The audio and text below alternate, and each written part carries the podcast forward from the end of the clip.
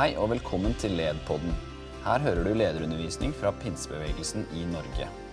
I denne episoden får du høre innhold fra lederkonferansen vår, LED23, som fant sted på Nova Spektrum i januar. Vi håper du får utbytte av episoden, og del den gjerne videre med en venn.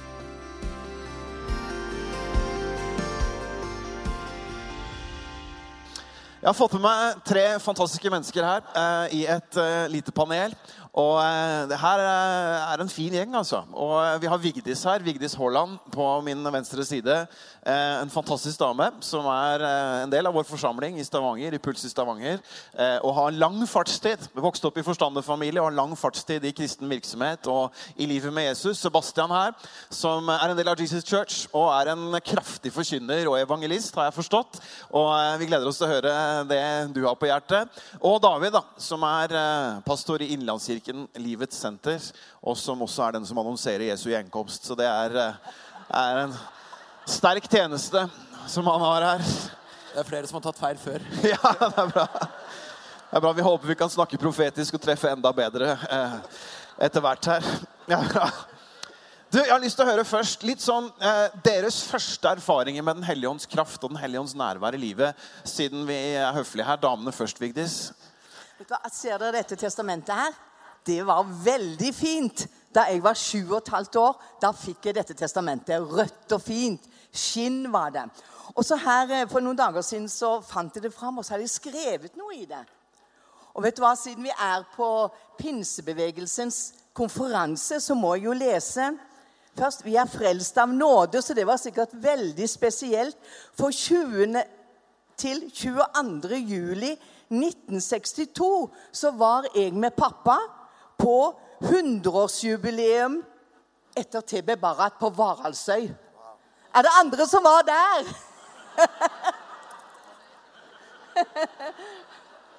Men det sto noe mer i dette testamentet.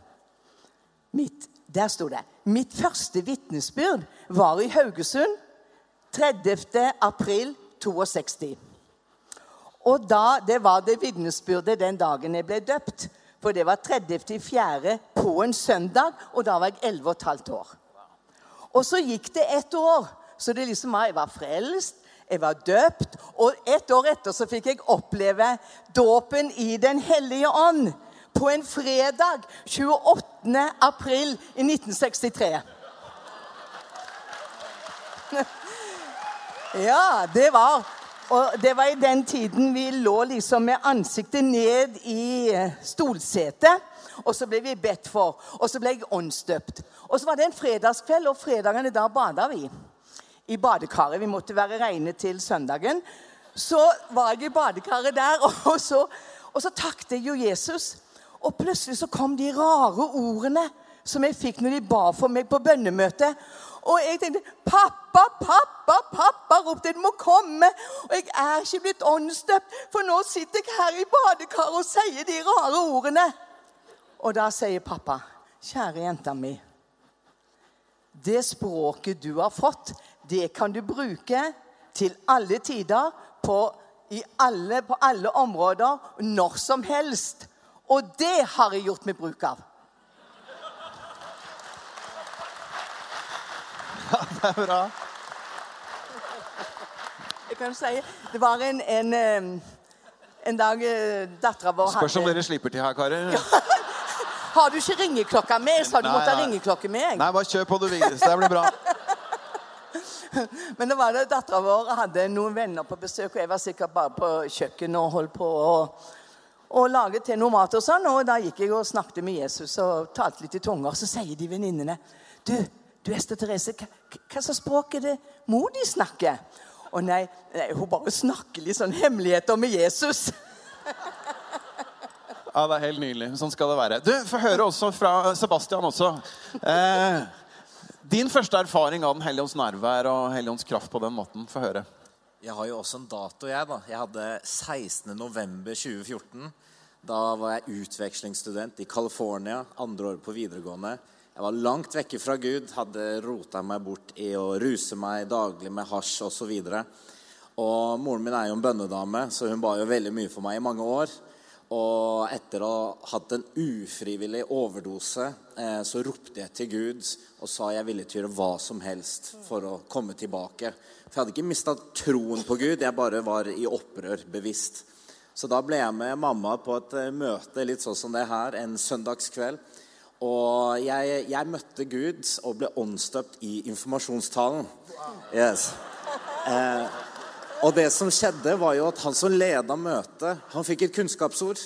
Og han sa midt imellom neste uke har vi barbecue og skal gjøre sånt, så, så sier han det her. Det er én ung mann i dette rommet her i dag. For en uke siden ropte du ut til Gud og sa du var villig til å gjøre hva som helst. Og Han var jo ikke norsk, så han sa ikke bøy hodet og lukk øynene. Han sa 'reis deg opp hvis du er den unge mannen'. Så alle snur seg rundt og prøver å finne den, og hjertet dunker, og jeg er overbevist om at dette er meg. Og jeg ber en enkel bønn og sier, 'Gud, jeg har lyst, men jeg tør ikke'. Og jeg hører en stemme på innsiden. 'Sebastian, jeg elsker deg. Stol på meg og reis deg opp.' Og da jeg reiste meg opp, så, så kommer Gud over meg. Jeg detter rett i bakken, kommer under Guds kraft og ligger nede i to timer. Jeg blir omstøpt, jeg blir satt fri, og jeg kommer helhjerta tilbake til Jesus.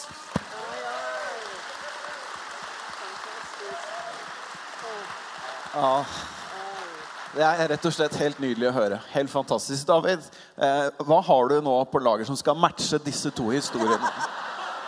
Dette blir å hoppe etter Wirkola. Eh, nei, eh, som mange andre så har jeg vokst opp i et kristent hjem. Og vi hadde troen levende i hjemmet. Bønn og Så jeg vet ikke, jeg har ikke noen sånn spesiell dato for når jeg ble ansatt, men jeg var kanskje fem år gammel. Eh, og, og, begynte sant, å tale i tunger. Og, og, så har det vært sånn gjennom, gjennom livet har jeg hatt mange erfaringer, også som tenåring, at uh, Guds nærvær og kallsopplevelser og, og spesielt en gang jeg var, på, på, var med et sånn kirkeplantingsprosjekt i Tyskland, så var det sånn at jeg kjente skal jeg, jeg lurte på skal jeg preke, eller hva skal jeg gjøre for noe. Og så kommer han teamlederen, og så taler han ut fra Jeremia 1. Ikke sant? At, uh, ikke si at du er for ung. Jeg har kalt deg ikke sant? fra før du ble født. Og, og, og, det jeg sier til deg, skal du tale. Så kjente jeg sånn ild i hjertet mitt. En brann i hjertet mitt. Eh, og akkurat den opplevelsen eh, noen, noen, år senere så fikk jeg akkurat den samme opplevelsen. igjen, som bare la kapp, sånn, sånn, frakken sin over meg. Så kjente jeg Guds ild i mitt hjerte. Det er mange erfaringer som har vært skjellsettende som til sammen på en måte danner en, et helt bilde av Den hellige ånds erfaringer i livet mitt. Ja, helt nydelig. Det er fantastisk å høre bredden her og høre de ulike erfaringene. Litt sånn også nå, vi, vi, eh, vi er i en lederkonferanse her. Det handler om å fungere i Den hellige ånds nærvær, fungere i Den hellige ånds kraft, åndens gaver. Eh, det er spennende å høre litt sånn fra dere. Hvordan opplever dere å bli ledet av Gud i hverdagen? Lytte til åndens stemme, eh, erfare å kunne formidle Guds nærvær og kraft til mennesker rundt dere. Du kan få lov til å fortsette, du, David. Ja, Det er jo mange forskjellige opplevelser. Jeg jobber som pastor, og trenger, min yndlingsbønn i hverdagen er hjelp. Det er så mange ting og så mange situasjoner og vanskeligheter som man kommer overfor, som man trenger hjelp. rett og slett. Eh, men også i møte med nabolaget. Jeg er på sånn eh, treningsstudio. Jeg prøver å være ikke på det kristne treningsstudio i byen, men, men der alle bolerne er. Så det var en jeg møtte, så sa jeg, han er en sånn svær type. Så sa jeg 'Hei, jeg heter David. Jeg heter Goliat', sa han. Så, og da var samtalen i gang. ikke sant? Så, men, men, jeg føler det sånn at uh, Den hellige ånd gir meg innskytelser da, i hverdagen. Hvor jeg kan få kunnskapsord. Hvor jeg kan få um, Blant annet så var det en gang uh, på nettgudstjeneste vi hadde, hvor jeg bekjente talte ut det var en som, at en som hadde sterk migrene. Og så sitter det en som ser på. Han har sånn selvmordshodepine. Dvs. Si det er så sterk hodepine at man bare har lyst til å dø. Og så I det jeg sier 'Jesus helbreder deg nå', så ble han momentant helbreda. Og har ikke hatt uh, problemer med hodepine siden da. Bare, sånn, bare være lydig mot Den hellige ånd i hverdagen. Jeg satt på Oslo S en dag og så leste jeg Bibelen. Og Så ser jeg en gå forbi, og så sier Den hellige ånd til meg 'Stopp han'. Og så sa jeg 'Gud, ser du ikke at jeg leser Bibelen?' Ikke sant? Du forstyrrer meg i bibellesningen der. Og så ga Gud seg ikke, da. Eh, selv Uansett hvor mye jeg leste, så, så gikk jeg til slutt bort til han og, og jeg så at han hadde halta. da. Eh, og, Så spurte jeg liksom, tror du på Jesus. Ja, Han trodde Jesus var en profet og ikke, ikke sant? han var muslim. Så fikk jeg forkynne, fortelle om Jesus, og så spør jeg har du lyst til å ta imot Jesus. Nei, det ville han ikke. Og så Jeg så du hadde problemer med kneet ditt. Kan jeg be for deg? Og Så ba jeg for han, og så ble, ble han momentant helbreda. Og så spurte jeg nå vil du nå tro på Jesus som Guds sønn. Ja, sa han. Og så ba vi en bønn sammen, og så sa han jeg kjenner meg så ren på innsiden. sa jeg. Kjenner meg så ren på innsiden. Han hadde bare fått en opplevelse av å bli født på ny. Der på Oslo S. Amen.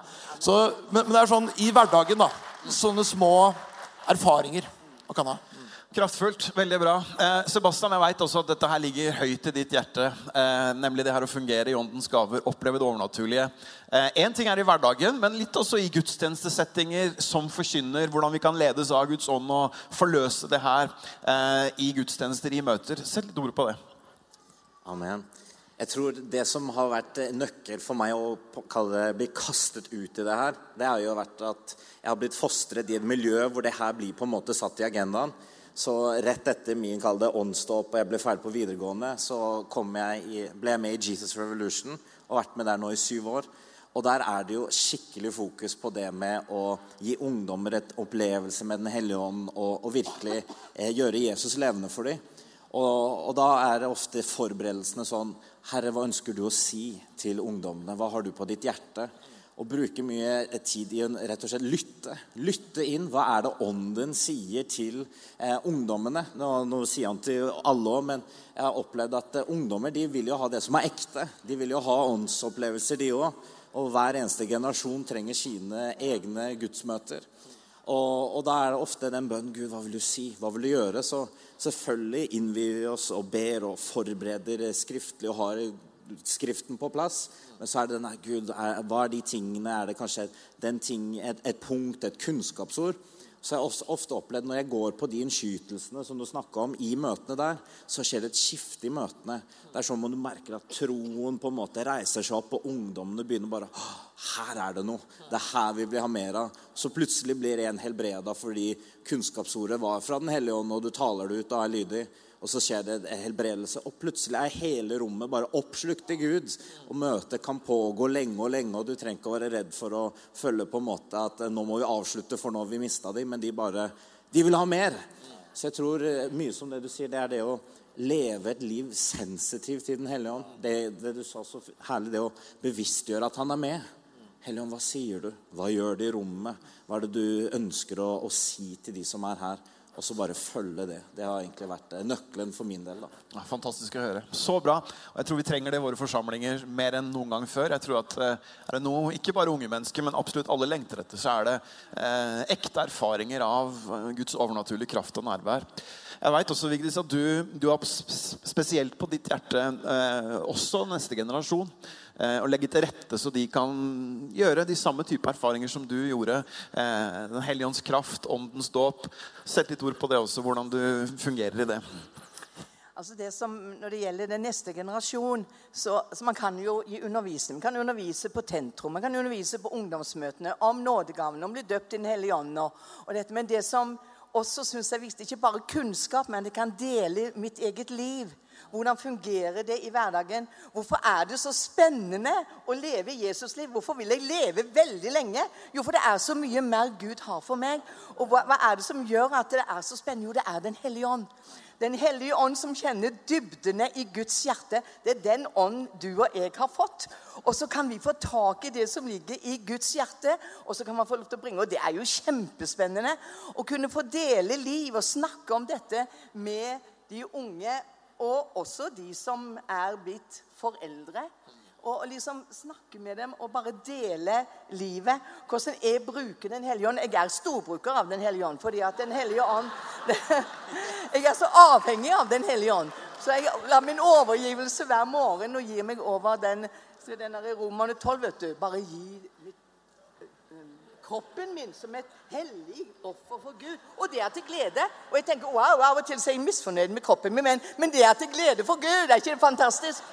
Og, ja. og så også, Den hellige ånd er også den som gir aha-opplevelser. Og I kristen sammenheng sier vi at det er åpenbaring i ordet. Men det at det gir Hellig ånd gir åpenbaring i ordet, at vi kan få lyst til å lese ord, for det er så spennende. for plutselig, å, aha, liksom. At vi kan også la Den hellige ånd få den betydningen i våre liv. For det betyr mye for meg når jeg leser Guds ord, at jeg får sånne kristne. Åpenbaring med en aha-opplevelse. Og kunne gi det videre. Og så tenker jeg på, Det har vært mye snakk om med familier. Men tenk på alle de som er frelst og blir frelst, som ikke er vokst opp i kristne familier. De har ingen modeller. Hva kan du og jeg være? Jo, vi kan være åndelige foreldre. Jeg kan være en åndelig mor som ikke bare lærer liksom dette, men får lov til å bringe liv, vise omsorg og virkelig dele det livet og være en modell for de som ikke har vokst opp i kristne hjem. Som ikke har besteforeldre. Ja, det er bra.